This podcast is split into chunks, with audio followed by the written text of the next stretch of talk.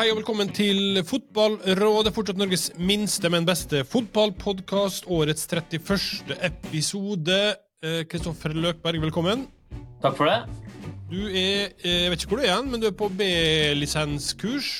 Ja, for observante seere, eh, vi har jo en ti-tolv av dem, som, som, som ser på, de ser jo at det ikke er min stue jeg sitter i. Jeg sitter på hotell klar etter Energy, attmed ishallen her i Stavanger. Eh, må bo her en uke sammen med de andre deltakerne på kurset. Hæ, du kan ikke bo hjemme? Nei, kan ikke bo hjem. Her minner vi om uh, pengebruk og forbund og Ja.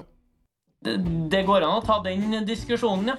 Ja. Eh, kurset koster jo hva det koster 26 000. Det er vel, dekker jo litt hotell her òg, men eh, det er jo x antall lokale på det kurset her. Eller de aller fleste bor jo i byen. Ja. Eh, så det hadde gått an å bo hjemme, men eh, vi får jo en eh, lang dag med masse gode fotballdiskusjoner.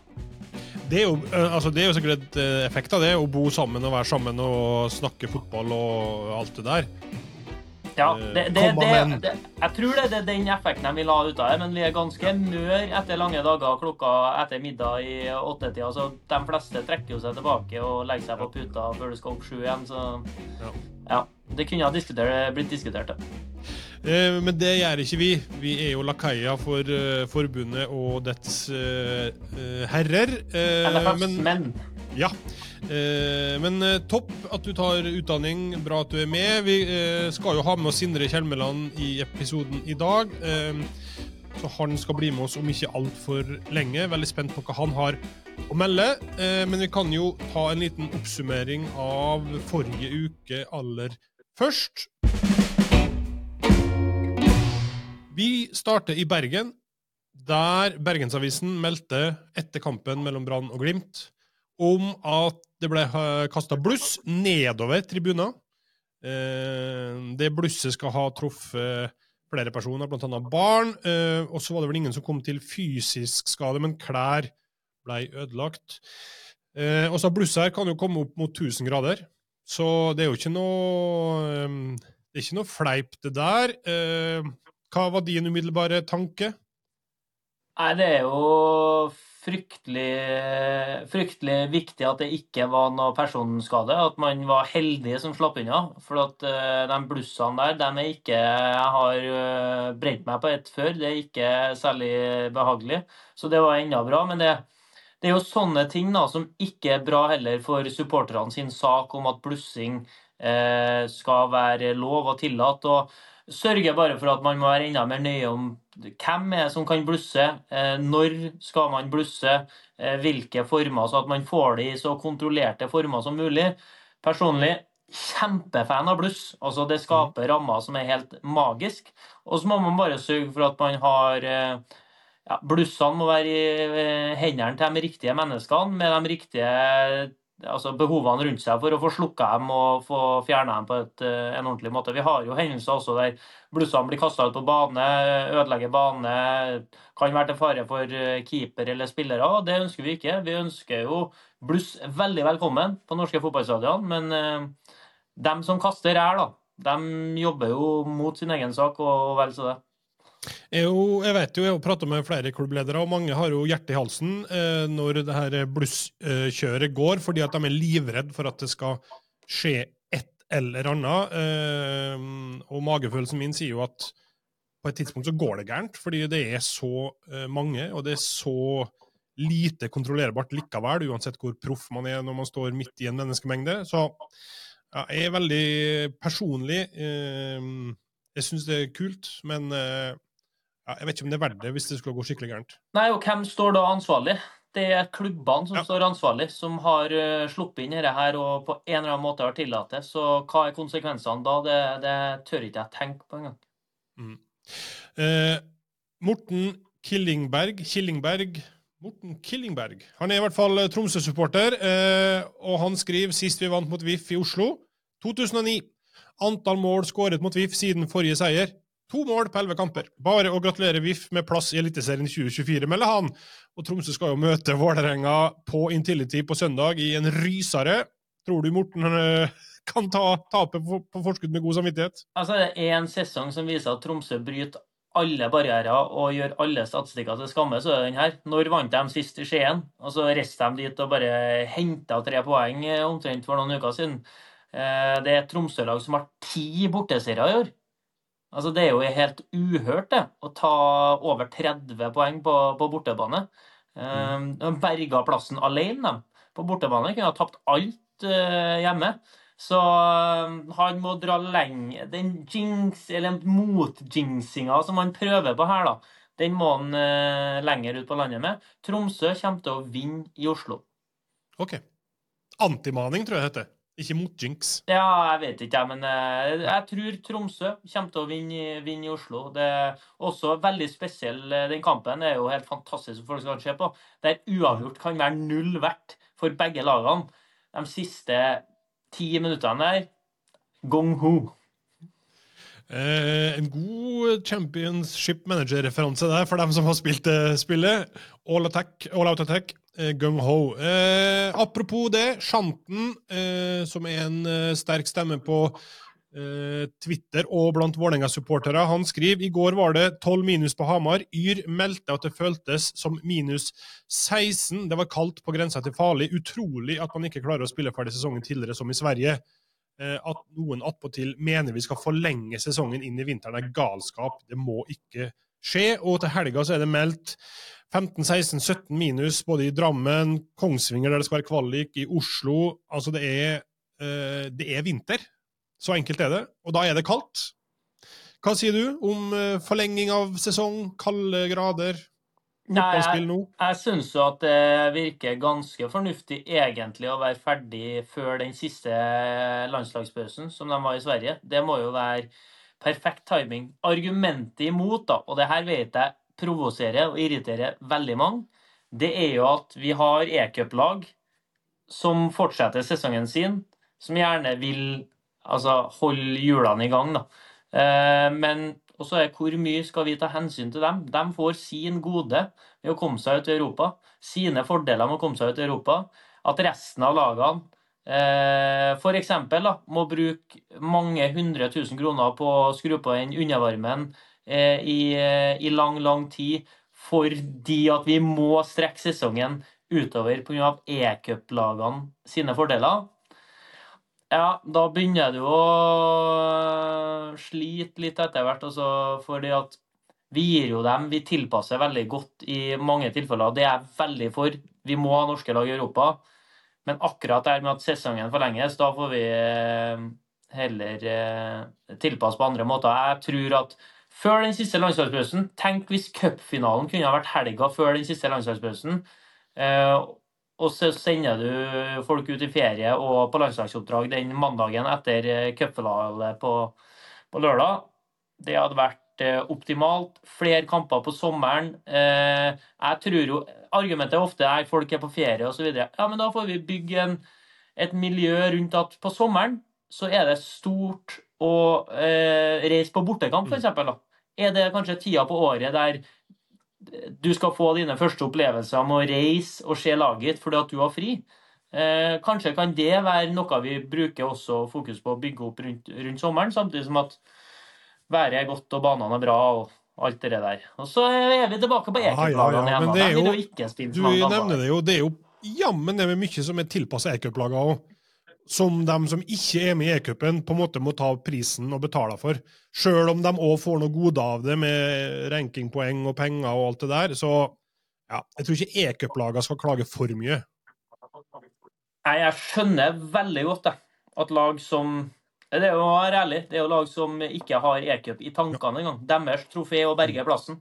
At de må tilpasse seg så veldig etter e-cuplagene, det må være provoserende i veldig mange aspekt. Uh, fint. Um, The Times skriver at uh, IFAB, som da er liksom det The International Football Association Board, uh, de samles nå i London en uka. her. Det er dem som på en måte legger retningslinjer og bestemmer reglement, uh, varebruk osv. Der melder The Times nå at dette, denne gjengen med folk da kan bli bedt om å se på muligheten for å utvide VAR til å inkludere frispark, cornerer, gult kort nummer to Altså, Eh, her snakker vi om om det skal sløyfes internasjonalt, om det skal utvides. Ja, jeg blir jo litt mør hele diskusjonen og livredd i utviklinga. Men jeg har jo mitt eget forslag som jeg fremma til noen dommere som jeg møtte. Jeg var med Eh, for to uker siden var jeg med på et uh, dommerseminar i, i Sandnes. Med, de hadde dommersamling, masse unge, lovende og eldre rutinerte dommere som hadde en samling en gang i året. Og så hadde vi et panel på søndag med meg, Slatko Tripic, Svein Oddvar Moen, en som er trener og daglig leder i breddefotballen, og en yngre, yngre dommer. Uh, og der diskuterte vi mange ting, og selvfølgelig masse om VAR. Der jeg ikke kan forstå Når vi klager på tidsbruken, f.eks så kan ikke jeg forstå at i altså soleklare tilfeller at VAR-dommeren ikke bare kan si til dommeren eh, Der kan jo bare gå og vise ut han det soleklart rødt kort, og så setter vi i gang spillet igjen. For, og Jeg ga eksempelet, og det her er kanskje overdrevet, men Slatko Tripic slår ned en motspiller, eh, og dommeren ser ikke det. Det her blir fanga på kamera. Hvorfor må dommeren da stoppe spillet, jogge ut til skjermen, se situasjonen sjøl, der det liksom Altså, her Ikke snakk om clear and obvious. Altså, det her er det du ville ha blitt straffa på gata, omtrent. Mm. Hvorfor kan ikke dommeren få på øret fra VAR-rommet, som jeg mener at de dømmer sammen med for å få flyt i spillet? Eh, gå eh, med neste eh, Bare stopp spillet, gi rødt til Tripic. Si til han 'Vi har sett det. Gå inn i dusjen. Ferdig. Spill igjen. Mm. Kjør'. Samme med et straffespark der hele verden ser på to sekunder. Det er soleklart straffespark. Altså det, det, kan ikke diskuteres, for det finnes sånne situasjoner. Hvorfor skal man vente til ballen går ut av spill, lenge, masse har skjedd? Dommeren må sjøl jogge ut til skjermen, bruke de, se det på nytt, og så kommer han selvfølgelig da, til samme konklusjon. Det skjønner ikke jeg. Eh, for det finnes noen i fotball så finnes det noen svart-hvitt-situasjoner der du det, det, kan ikke diskuteres. Akkurat dem så ville jeg sagt at det er vi som dømmer kampen. Og så er jo Svein Oddvar, da, som jeg var veldig fin å diskutere med, veldig en god representant for dommerne der, som sier at ja, men da mister jeg kontrollen over kampen. Jeg sender det ut til varerommet. Men det, altså, prøver jeg tilbake. Det er jo ikke bare du som dømmer, mm. det er jo dere som dømmer. Det bør jo være vi. Og så mener jeg også at det bør være faste team. Det er samme som dømmer sammen har sin faste partner i det varerommet, sånn at man kjenner til hverandre sine ønsker, eh, sin ønska list, f.eks. Her vet jeg at han ville ha sett den situasjonen på nytt, f.eks. Her vet jeg at det er, bare, det er sånn han dømmer, og det er sånn han vurderer situasjoner. Da gir ikke jeg noe, noe, råd. Sånn at det er sam, et samspill her i større grad. Da. Der jeg vet at det er mye mer rullering, som kanskje skaper litt usikkerhet, der vi ser i den ene runden at det blir tatt tak i der til han, men ikke tatt tak i der. Og det tror jeg går på at det er forskjellige dommere som jobber sammen, som gjør at det ikke blir et perfekt samarbeid der, da. Mm. Men at man skal begynne å gå inn på frispark og hente opp gule kort her, og, altså utvide liksom hva de skal ta tak i, det har ikke jeg noe tro på. Men å effektivisere arbeidet, altså å få det til å bli flyt mer. Det, det, er jo jeg interessert i. Mm. Jeg hører jo Når jeg leser den fra The Times, så drar de det jo i motsatt retning. Virker for meg, i hvert fall. Eh, og det er jo som mange av oss har frykta, at det blir sånn. Og plutselig så blir det reklamepauser, varetilpassa, og så er det altså det her eh, den kommersialiseringa her den kommer ikke til å stoppe med det her. Det er i hvert fall helt overbevist om. Eh, synes for øvrig Vi kan jo kanskje ha podkast i sånne Vi kan jo kanskje utnytte det ja, ja, ja. i så fall og bli stor på at vi får tid i de her pausene. Kanskje kjappe innspill om kampen. Live-podding. Live det kunne vært noe for oss, ja. Eh, jeg skal bare nevne det før vi får inn Sindre, men eh, i helga så var det to ting da som eh, VAR var involvert i. Den ene var jo en katastrofe på Ullevål, der straffesparket burde vært tatt om igjen, sjøl om man argumenterer knallhardt fra dommerstanden om at det var umulig å se bilder på det. Men det den debatten den gidder ikke å ta, for det blir for dumt. Og det ser alle som ser TV-bilder, det blir for dumt. Jeg, jeg, mistenker jo vedkommende i det rommet og ikke kan reglene. Ja, det er jo helt sykt. Vedkommende må ha forholdt seg til Ja, vedkommende må, og det kommer aldri til å komme ut, men vedkommende må ha forholdt seg til 16-meterstreken ja. og ikke buen. Da er det i hvert fall en misforstått lojalitet fra Terje Hauge til sine dommere. For det, det går ikke. Eh, og Den andre situasjonen var fra Spania, der Sergio Ramos eh, grisetakla en motspiller. Fikk først gult, hans andre gule, og så ble det rødt, selvfølgelig. Men Sergio Ramos argumenterte knallhardt for nei, nei, nei, nei, nei, nei, dette her er ikke noe, er ikke noe rødkortsituasjon, du må gå og se på bilder. Dommeren springer og ser på bilder, kansellerer det gule, gir den direkte rødt i stedet. da koste jeg meg. Så Sergio Ramos argumenterte på seg en hardere straff. Sergio Ramos får da to-tre kamper, kanskje, ja. istedenfor den ene. Ja. Kunne bare tusla av banen, men den, den er fin. Ja, er fin, da. Jeg er spent på om den har blitt tatt uansett. Det er jo sånn de skal prøve å gjøre, da, men det, det er variant. Bra. Eh, OK. Eh, det var det vi har fra det som har vært. La oss heller Eller det var det ikke, for vi skal snakke med Sindre Kjelmeland nå, og det er vel nok å snakke med han om. Så la oss få han inn i eh, studio. Ja, velkommen til oss, uh, Sindre Kjelmeland.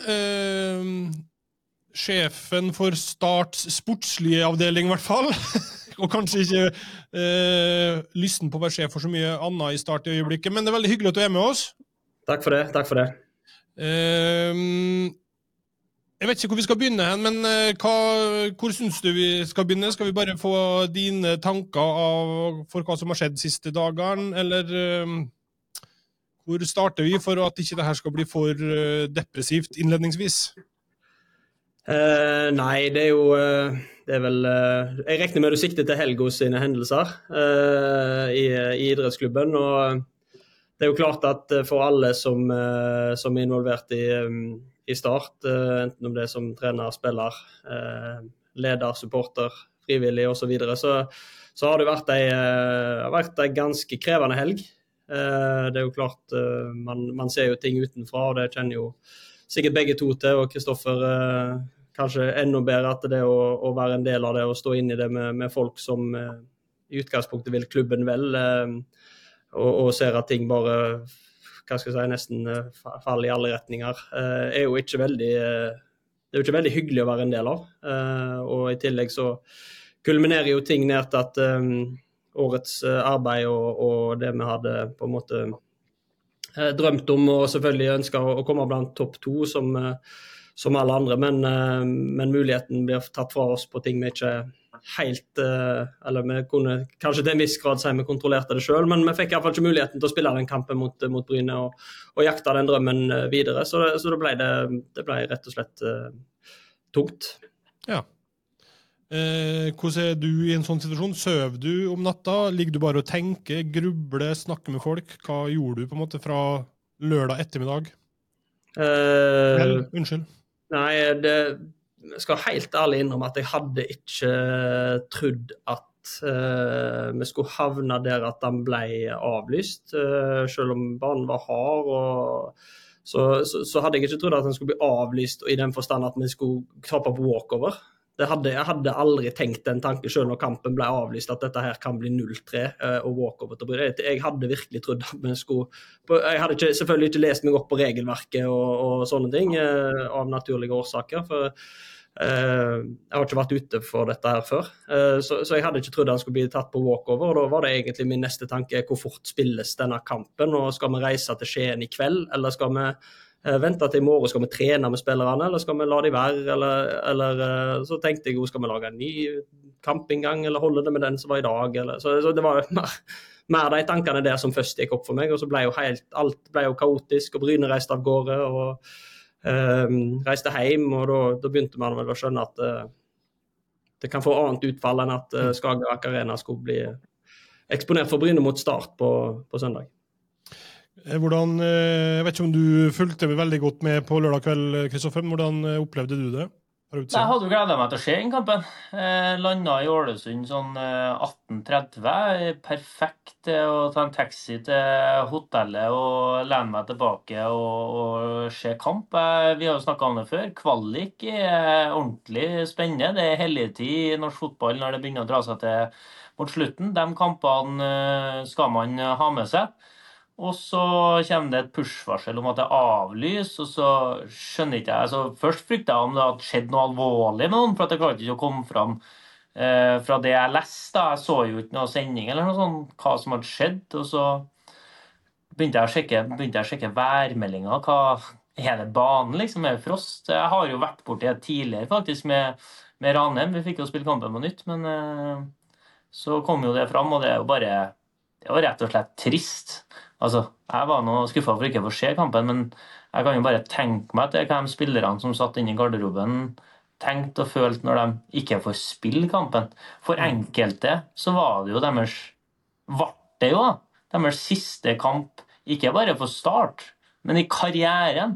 Altså, min gode venn Rolf Daniel Vikstøl, han ble jo heldigvis takka av hjemme mot, uh, mot Koffa og fikk uh, bære kapteinspinnet for Start. Jeg vet hvor stort det var for han, men han hadde jo også et oppriktig håp om å kanskje avslutte med en, en kvalikseier. Altså, jeg har sjøl vunnet en kvalik opp til Eliteserien. Vi kom på fjerdeplass i serien og må jo over noe, noe, hinder. Men hvis du først kommer i gang med en ene hjem, hvis du får deg en hjemmeseier som starter, så klarer du liksom å OK, så skal du til Kristiansund, en ny uh, mulighet. Kommer deg over den. Veien er lang, men du har hele tida den her drømmen om at det kan skje. Så det, at den knuses på den måten der Jeg kan ikke forestille meg hva, hvor, hvor mørk den kvelden min har blitt uh, hvis det har hendt med meg. Og så vet du jo, Sindre, Det er jo en lang vei uh, når du kommer inn i første kvalikrunde i Obos, men dere gikk inn med det her ganske offensiv og hadde Eh, bra tro på at det her skulle eh, i hvert fall gå helt til Kongsvinger og, og få møte eliteseriemotstand til slutt, kanskje? Ja, altså, vi hadde jo Du kan jo eh, ta vårt år kort oppsummert, så er det jo på en måte tilgjengelighet på spillere eh, har jo vært eh, svært lav, og, og, kanskje på en del nøkkelspillere som ville uh, vært med å prege våre, våre kamper, med Eirik Schultze som, som uansett hva nivå han spiller på, føles det ut som leverer på 10 pluss, 10 pluss mål. og og Jack Lane som, som var tilbake, på vei tilbake. Så Vi hadde jo faktisk den høyeste tilgjengeligheten på spillere vi har hatt i hele år på vei inn i kvaliken. og Samtlige tilbake igjen i full trening. og eh, Bryne hjemme mulig, eh, KBK borte mulig og Kongsvinger borte mulig. Uten at du på en måte er walkover i eh, Eller det var feil ord, da. Men eh, Uh, uten, at det ble, uh, uten at det hadde vært noen lette kamper, uh, noen av de, så ser vi jo at, at vi, hadde, vi var veldig optimistiske. og jeg kan jo bare ta, jeg prata sånn kjapt med, med, med min gode kamerat Eirik Mæland i Molde i går. og, og hva, hva, noen, hva, han hadde tenkt hvis, hvis noen hadde tatt fra det han opplevde i, i kvaliken i fjor med, med Kongsvinger, den veien de gikk. Så, så hadde han iallfall vært både opplevelser og, og og minner og, og, alt mulig ganske mye fattigere på, på den reisen der. Så, så, det er klart at vi vet aldri hva som hadde skjedd, og, og man kan bare spekulere i, i det. Men, um, men blir jo, konklusjonen blir jo at det ble jo veldig, ble jo veldig trist for oss og for alle som er glad i klubben. Du rent personlig, og du nevner jo Erik Mæland som et eksempel som har vært gjennom eh, det, altså For han og for klubben en enorm opplevelse, selvfølgelig, men for det personlige, da, hvor mye hvor mye føler man seg snytt, eller hvor mye kan det potensielt ødelegge for din egen del, eller? Nei, det er jo klart 0-3 i kvaliken hjemme mot uh, Bryne ser jo, veldig, uh, ser jo ikke veldig, bra ut. Så hvis du skal prøve å ha litt galgenummer oppi alt dette. Uh, nei, men jeg tror nok ikke det jeg tror nok ikke det velter lasset en eller andre veien. Jeg er jo fortsatt relativt ung i bransjen, men det er klart vi skulle gjerne sett hva vi kunne få til med de som, som er her. og, og og spesielt denne spenningen, og du kan gå inn til mm. straffespark. og Du har liksom forberedt deg på en del scenarioer som du er, du er, klar for å angripe. det. Vi hadde den i Tromsø i cupen i, i, februar, i mars. Februar-mars. Eh, og det, det, er noe eget, det der. Eh, og, og, som du sier, Løkberg, det er mange gode minner som har blitt skapt gjennom den, uh, gjennom, gjennom den kvalikreisen som vi har i det oppsettet i Norge. Mm. Vi som eh, er på utsida, følger gjennom media og eh, ja, SoMe og hva det er for noe, har jo eh, hatt inntrykk gjennom hele året egentlig, over lang tid at i start så er det trøblete. Det er liksom Uansett om det går bra eller dårlig sportslig, så er det alltid et eller annet som, som skjer. Eh, hvordan har det vært, kanskje spesielt hvis du bare ser på det året her, da, hvordan har det vært for det å, å jobbe eh, i klubben? Hvordan har du opplevd 2023? Uh, nei, jeg tror nok uh, alle som har vært der uh, Nå kom det jo altså Det har kommet litt saker underveis her som, som, jeg tror mange i organisasjonen kan kjenne seg igjen i.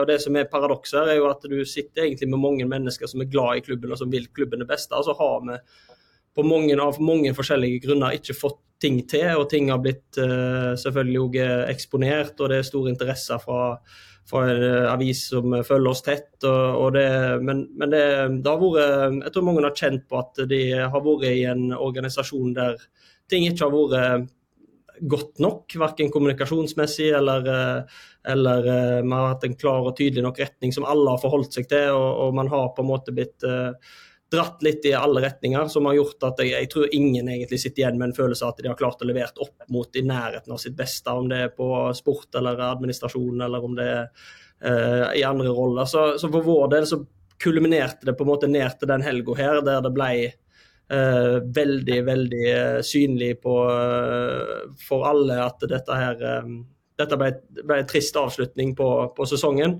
Uh, og nå handler det egentlig for oss om vi må bare få prate sammen. Vi er nødt til å finne en felles retning, vi er nødt til å skape troverdighet ut av igjen. Vi er nødt til å skape troverdighet uh, og lojalitet og, og, alt som er internt. Og klare å få dette her opp igjen og gå, så skal vi nok klare å benytte dette her til, til noe bra. sånn at alle som følger klubben skal, skal ha noe å, å, tro på igjen og, og, og, en grunn til å møte opp på stadion neste år. Hva har du hva sitter du igjen med, Kristoffer, egentlig, etter den startsesongen her, eh, med det som har skjedd?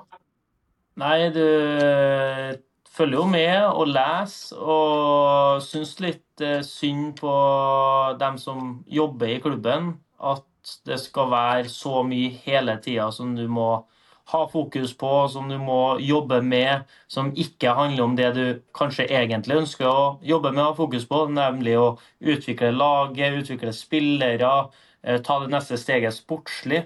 Eh, det virker utenfra eh, at det er veldig stor strekk i laget. At det er ikke en, verken administrasjon og andre deler av klubben som drar i samme retning som sport alltid, og at det er en Eh, genuin, et genuint ønske om å unne hverandre suksess, om at min jobb er viktig for deg og din jobb er viktig for meg. Så sammen så skaper vi de best mulige løsningene, sånn at klubben løfter seg både på mitt område og på ditt område. Eh, at det, det står det, det ser ut som ikke steile fronter, kanskje, men at det er veldig sånn ok, Den avdelinga har fokus på det og kanskje er misfornøyd med at de gjør det. Og så den avdelinga har fokus på det og misfornøyd med at de gjør det.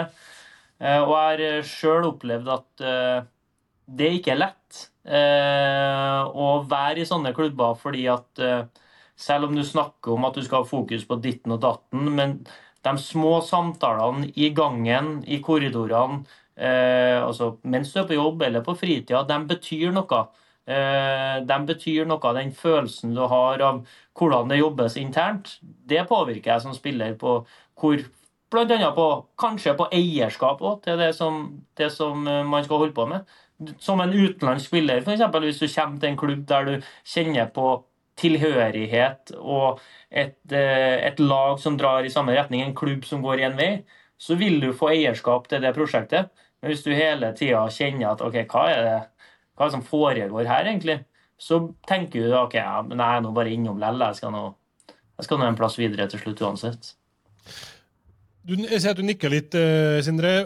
Dette var jo litt av den tematikken uh, han Endre Eide tok opp uh, før helga via Fedrelandsvenn. Jeg vet ikke, vi, Mange av oss steila jo på timinga der, da, der han snakka om klubbkultur eller manglende sådan og sånn. Kjente du til det, forresten? Altså, Visste du at den saken kom til å komme, eller hvordan påvirka det inngangen til kampen? Så, det som skulle vært en kamp?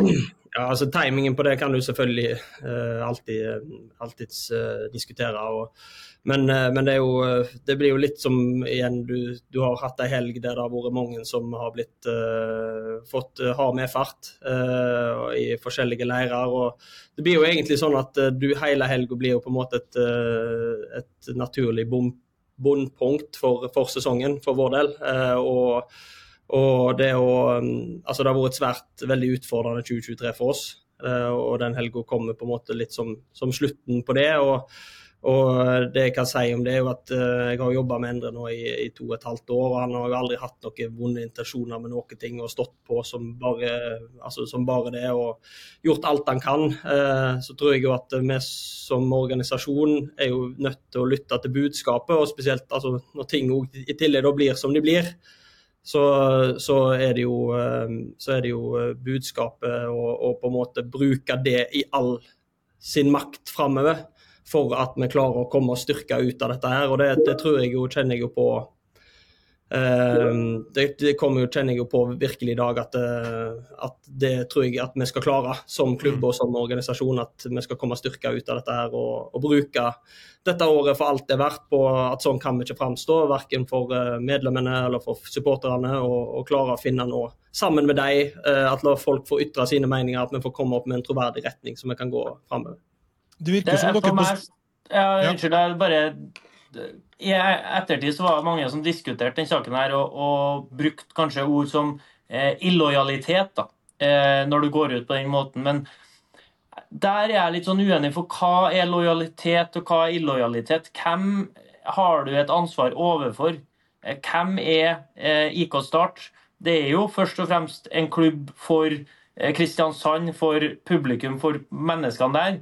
Så det å gå ut og være tydelig og sette fokus på noe som kanskje kan være med å skape en endring, det vil jo jeg mer bekke over til at da er du jo lojal mot oppgaven din med at du skal jobbe for at klubben skal opp og frem, eh, enn at du er Altså, kanskje timinga, ja, det burde kanskje komme i dag eller neste uke, men budskapet ble jo nesten omtrent sterkere, da, føler jeg, i og med at det kom fram på den måten, og at det det spiller egentlig ingen rolle. Det her må opp og frem for at vi skal komme oss videre. Så eh, ikke heldig for kanskje resultatet i kampen, men jeg er jo litt sånn at som spiller at det kommer en sak i avisa kvelden før, det, hvis det påvirker deg til hvordan du presterer akkurat der og, der og da eh, Det ville kanskje vært verre med tre uker igjen av sesongen, sånn at det hadde blitt en sånn føljetong som hadde fulgt deg. At den kom akkurat der og da. Men at vi må passe på at lojalitet er ikke å stryke alle medhårs og gjøre som sjefen din sier til enhver tid. Er man uenig, og i hvert fall på det punktet her der man føler over tid at det er jobba dårlig, og at ting ikke er som det skal det jo, Han ofrer jo seg nesten sjøl, for det vil jo være andre klubber som er livredde for å ansette han kanskje fordi at skjer det her til oss også. Men jeg ville ha tenkt motsatt. Oi, her har vi faktisk en ansatt som er opptatt av helheten som går i bresjen hvis han føler noe er feil, noe som hemmer utviklinga av klubben vår. For hvis han skulle ha vært tenkt på seg sjøl bare, så hadde han jo bare holdt kjeft. Ser du det litt sånn nå, Sindre? Eh, ja, altså, veldig solide betraktninger. og Det som, som i sum ligger for meg som, eh, og Magni og alle som nå sitter over, og, og sånn som dette har utvikla seg med, med, folk som jeg begynte med, og folk som vil klubben vel som på en måte ikke har fått ting til. Det er jo, eh, La oss være så ærlige og si at vi ikke har fått ting til i 2023.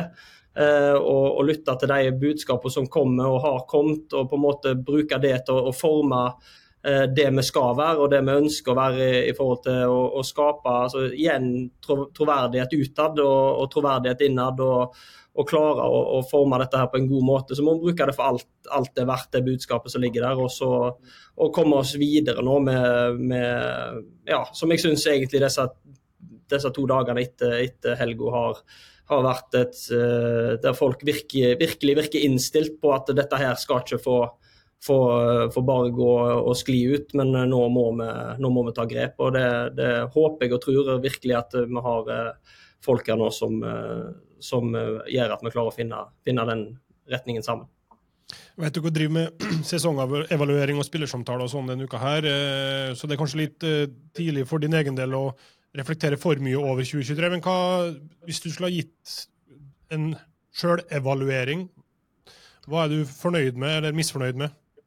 Nei, altså Jeg kan jo helt oppriktig ærlig, og det er jo den uh, følelsen og, og, den evalueringen jeg har hatt av meg selv underveis, så mener jo jeg at uh, her i 2023 så har jo ikke jeg vært i nærheten av mitt beste nivå. Uh, det har jeg sagt til spillerne òg senest i, i, går, at jeg har ikke klart å komme meg opp på det nivået som energimessig altså Det handler jo litt om meg i den trenerrollen, nå er jo du på kurs, men jeg forstår. Kristoffer òg, at for, for, spillerne så, og for meg så så er jo alle trenere er jo forskjellige. Jeg er jo en type som hva skal jeg si, bruker mye fag. Kommer tett på spillerne, jobber med detaljer, jobber med helhet, jobber med video, energisk på feltet. Og, og, og det å klare å fasilitere det for meg sjøl, og klare å på en måte håndtere ting som skjer rundt meg på en god nok måte, sånn at jeg er, for å bruke litt sånn klisjé, men den beste utgaven av meg sjøl i den rollen. Uh, det har jeg ikke klart. Uh, og det er annet enn sporadisk. Uh, og jeg har prøvd å hente meg sjøl inn igjen. og jeg har prøvd å, og jeg har vært bevisst på det, men jeg har ikke, jeg har ikke vært Jeg syns ikke jeg har vært i nærheten av bra nok i 2023. Og det, det, det er selvfølgelig kjedelig å, å tenke på, men Samtidig veldig bevisst på at uh, da når 2024 kommer, så handler alt om for meg å fasilitere det sånn at jeg uh, får være uh, den treneren inn mot ei gruppe som gjør at jeg kan ha størst mulig påvirkning på dem, og ikke noe annet enn en det. men det er jo den, hva skal jeg si, den korte evalueringen av det som jeg kjenner veldig sterkt på sjøl, og som jeg ikke har lyst til å oppleve igjen. Er det, det er sikkert flere årsaker til at det blir sånn, men er det my, har mye av det med interne uenigheter eller konflikter mellom administrasjon og sport å gjøre, eller eh, det, har det bare vært et år der ting går eh, på tverke? Jeg kjenner jeg er veldig veldig lei av å peke på andre og andre konflikter og hvordan ting eh, kunne vært. og Det tror jeg vi har gjort nok av. Jeg, jeg jeg mener jo sjøl at jeg har jo eh, store ambisjoner eh, og har lyst til å på en måte jobbe, meg, eh, jobbe videre og utvikle meg videre. Og, og, hva som kommer til å skje i andre klubber, om man på et eller annet tidspunkt kanskje ender opp i utlandet og man opplever lignende ting og ikke snakker språk engang, så, så, man, så er man jo nødt til å klare å, å, å, sortere det ut på egen hånd. Det er mitt ansvar. 100% uansett hva som foregår rundt meg, er vel, er vel både det jeg kommer lengst med og det som jeg har landa på at det er mest fornuftig for meg å ta tak i. Men hva da med din egen del og din egen karriere? Nå eh, skjønner jeg at Endre Eide sin kontrakt går jo ut, og eh, Terje Markussen har gått av. Det er, altså, det er, jo en del endringer her, eh, uavhengig av hva du har lyst til eller gjør. Men hva tenker du om din egen fremtid, og hvor motivert er du for å fortsette? Nei, altså hvis du hører på det jeg sier, så på, no, Det var ikke sånn meint. Eh, bare ta det utover med, du. Skjell meg ut. Det var, ikke, det var ikke sånn meint. Men uh, poenget i det jeg sier, er jo at uh, av sånne type evalueringer om deg sjøl, så har du jo enten lyst til å bare pakke saken og gi deg med det du holder på med, eller så har du en ekstrem sult til å bare komme deg opp på det nivået som du eh, føler sjøl at du har holdt tidligere, eh, og, og dra det enda videre derfra med det som du har i bagasjen i, i start. Og, og, det kan veldig, altså det er veldig, veldig gjerne at det blir her, og at vi får sving på saken, og at vi skaper eh, en hekkens troverdighet og, og, go her. Så, så, gjerne det. Mm. Uh, det var, skulle, eh, jeg sa jo det før vi gikk i opptak, at vi skulle ta noen lytterspørsmål. og sånn, og det, Vi burde tatt Stian sitt aller først, for han spør hvordan i helvete er det mulig. Men det har vi kanskje fått noe svar på nå, hvordan ting er eh, mulig. Men Terje lurer jo på, eh, Terje Brede Halvorsen, hvor mye bedre har Start blitt sportslig med eh, Sindre som trener? Eh, og så nevner han mye formasjonsendringer eh, som et, noe som var hemma, da, ifølge han. Hva tenker du sjøl? Uh, nei, nå har vi nå stått ganske bastant med den treeren bak i, uh, i, to år. Og så har vi vridd litt på, på konstellasjonen framme med å enten spille med to spisser eller spille med én. noen ganger spilt med to sittende, noen ganger spilt med én. så det er vel sånne små justeringer der. og så har vi jo, det er jo ikke til å legge skjul på heller, vi har jo hatt en voldsom endring i personell. og det er jo selvfølgelig noe som de fleste klubber gjennomgår, men, men det er jo klart at det var jo altså både skadesituasjonen og litt på, på, noen salg i år som selvfølgelig svekka oss. Og så er det jo som jeg sa i evalueringen av meg sjøl òg, at hadde jeg vært på et klart å vært i nærheten av et høyere nivå sjøl, så tipper jeg at vi skulle tatt, tatt enda noen prosenter. Men vanskelig å på en måte evaluere to, to og et halvt år sånn på, på, ja. På strak arm og på, på en kortfatta måte. Men har du allerede tenkt endringer formasjonsmessig, spillemessig, og gjort deg tanker rundt det til neste år? Ja, det har jeg. Det kommer noen, det kommer noen justeringer på litt, på, både på presspillet og på, på offensiv struktur og litt hvordan vi skal prioritere løpet fra, fra tidlig fase av. Så, så, ser jeg at vi, vi, vi har behov for å få mer dynamikk i spillet vårt på siste tredjedel. Og, og det, det, kommer jo av at vi ofte møter lag som ligger lavt, og vi får veldig òg og kanskje fortjent i noen kamper skylda for at vi ikke skaper nok. og at det blir, Men det, vi må finne andre måter å bryte ned de lagene som ligger eh, Eh, som Kristoffer de møtte i, i Hamar, f.eks. Det, det er utfordrende, og du må tenke Du må ha flere typer eh, eh, kvaliteter for å bryte de lagene der. Jeg vet at dette er et tabloid måte å spørre på, men det er jo den uh, tallkombinasjonen som er enklest for folk å forstå. Vil det òg bety andre tallkombinasjoner enn tre bak, f.eks.? Ja. ja. Uh, fire, da, f.eks. Ja, det... uh, 263. Uh, eh, Sigurd han er, Vi tar et spørsmål til. Sigurd er litt inne på det samme som jeg var for et to minutter siden. Han lurer på om du har eller han vil gjerne ha tre gode grunner til at du skal uh, gidde å fortsette som trener i Start. og Du har jo på en måte vært innom det, da, men uh, det, en av dem virker som det er revansjelyst, blant annet? Ja, altså du har jo eh, Hva skal jeg si. Det er jo en god del av eh, altså Supporterne vil jo på en måte være utrolig vanskelig å komme ut av. altså Vi har jo hatt flere og flere på eh, altså Opplever vi både bortekamper og hjemmekamper der vi har hatt vanvittig god støtte. Der kanskje toppen borte kommer mot, mot Jerv, der det, man ser virkelig hva potensialet som, som bor her. Så, så, det er jo klart at det pluss da, hva skal jeg si, generelt latent potensial som ofte prates om her nede, og så er det jo på en måte å, å kunne være, være med og, og, dra det opp igjen. Mm. Eh, OK, bra. Eh, hvis ikke du Kristoffer, har noe mer du har lyst til å melde om Start, så kan vi hoppe videre? Jeg håper at de får orden på ting, da. Det er jo en klubb som tradisjonsrik som vi har lyst til at eh, skal komme opp og kanskje få noen eh, deilige møter. Viking, Start, Start, Viking. Det er jo ja. populært. Vi har et par spalter til vi skal gjennom før Sindre får stikke av, så vi tar den aller første først. Kristoffer, eh, vi tar løksuppa di. Men Kan vi snu på det i dag? Kan jeg få spørre ja, om vi kan snu på det? Kan jeg få avslutte poden i dag? Helt til slutt? Ja, sånn at jeg okay. kan ta din ja. rolle på slutten, på en måte. Ja, ok. Da eh, tar vi den andre spalta først, og det er ei som heter for Ukens Per Mathias, som jeg har plukka ut. Den tar utgangspunkt i Europatoppen. Eh, dette fenomenet som har fått mye kritikk i det siste, for pengebruk og nytteverdi. Seriemester, cupfinalist Vålerenga. De er ikke happy med utbyttet. Eh, da snakker vi om kvinnelaget. Men i Sarpsborg har daglig leder Raymond Fjell følgende vurdering.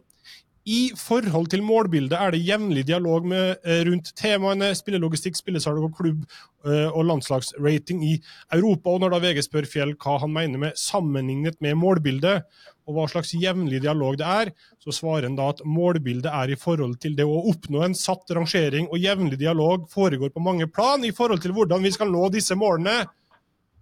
Og når daglige ledere snakker sånn, Eh, om målbilder og uh, umulige setninger uten komma og punktum. Da blir jeg irritert.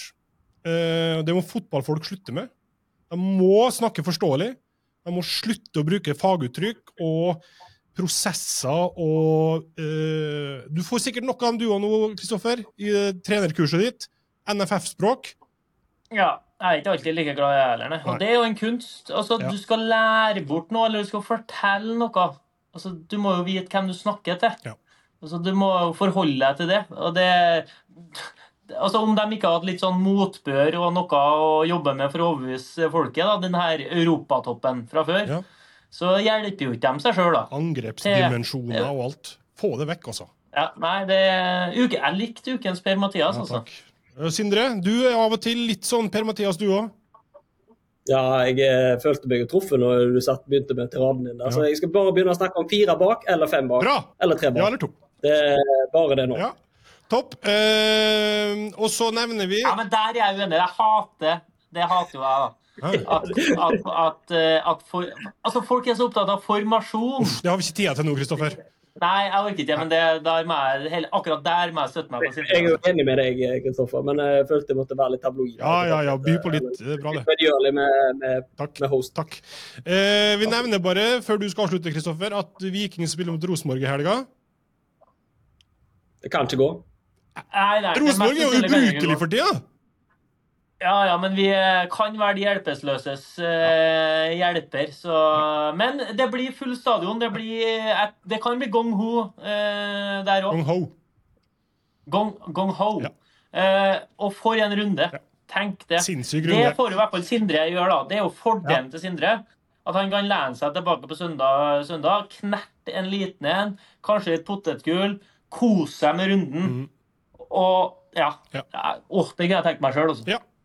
Jeg lurer faktisk på om jeg skal ta turen til Europa og se på Molde eller Glimt nå i eh, live. I, eh, benytte anledningen.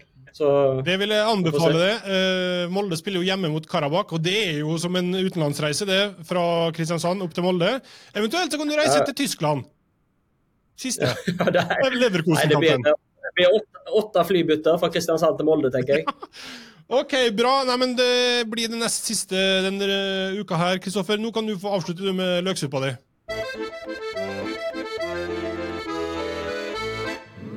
Åh, deilig. Jeg har alltid drømt om å få liksom runde av eh, sendinga. Eh, og i dag har jeg to ting. Det ene er jo at eh, neste uke så sliter vi fort med en innspilling, for da er det botur til Amsterdam. Eh, det kan bli trøblete med innspillingstidspunkt for å få til en, en podkast eh, da. Men jeg tror vi sikter oss inn på en oppsummeringspodkast.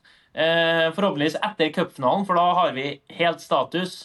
Eh, hvem skal hvor, eh, europaplasser osv. Eh, og da vil jeg gjerne at folk skal tenke litt etter, dem som lytter på dette her, da. Hvem har vært våre beste gjester gjennom året? Okay. Hvem fortjener en invitasjon til den, eh, den podkasten for å være med og, og dra oss litt gjennom året? Det, det ønsker vi gjerne innspill eh, på. Eh, Og så til slutt, bare for å runde av, god stemning. Vi har jo spillere på laget som gjør andre ting enn å spille fotball. Eh, og det liker jeg. Folk må ha andre ting å sysle med enn å tenke på fotball hele tida. Det sliter jo jeg personlig med. Det må være deilig for dem. Markus Solbakken, som kjent eh, DJ, eh, mikser. Og så har vi Sondre Auklend. Vi har vært innom deres tidligere låt eh, før. Mm. Eh, Sondre Bjørsol-sangen. Den ble jo populær. Ja. Nå er guttene ut, kommet ut med ny låt. Det er årets julelåt. Rett og slett en, en potensiell hit. Ok. Så eh, vi runder av podkasten uka her med at uh, god jul til alle sammen som ikke gidder å høre den siste episoden. Og, og lytt på Sodda med jul igjen. Jeg ser at snøen faller ned, jeg ser at naboen henter tre. Ja, jeg kjenner at jeg gleder meg til jul. Jeg vil ha pakker, kaker og bjelleklang.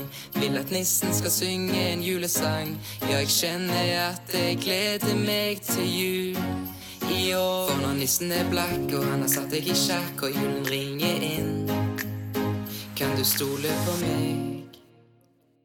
For jeg har ønskelisten din, og er det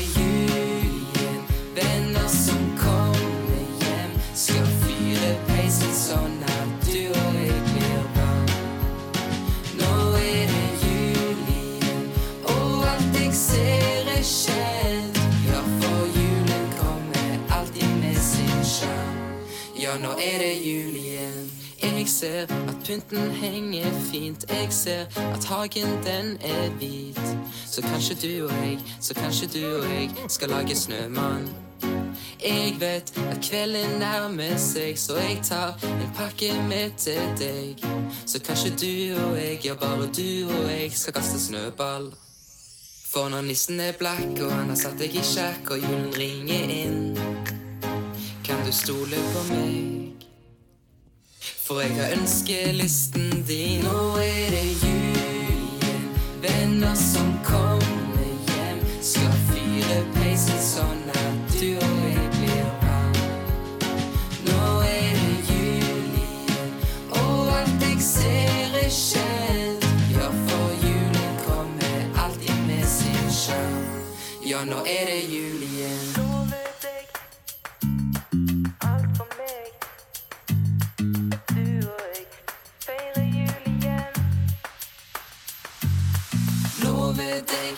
julen den er alt for meg. Så jeg håper du og jeg kan feire jul igjen. Lover jeg julen den er alt for meg. Så jeg håper du og jeg, ja du og jeg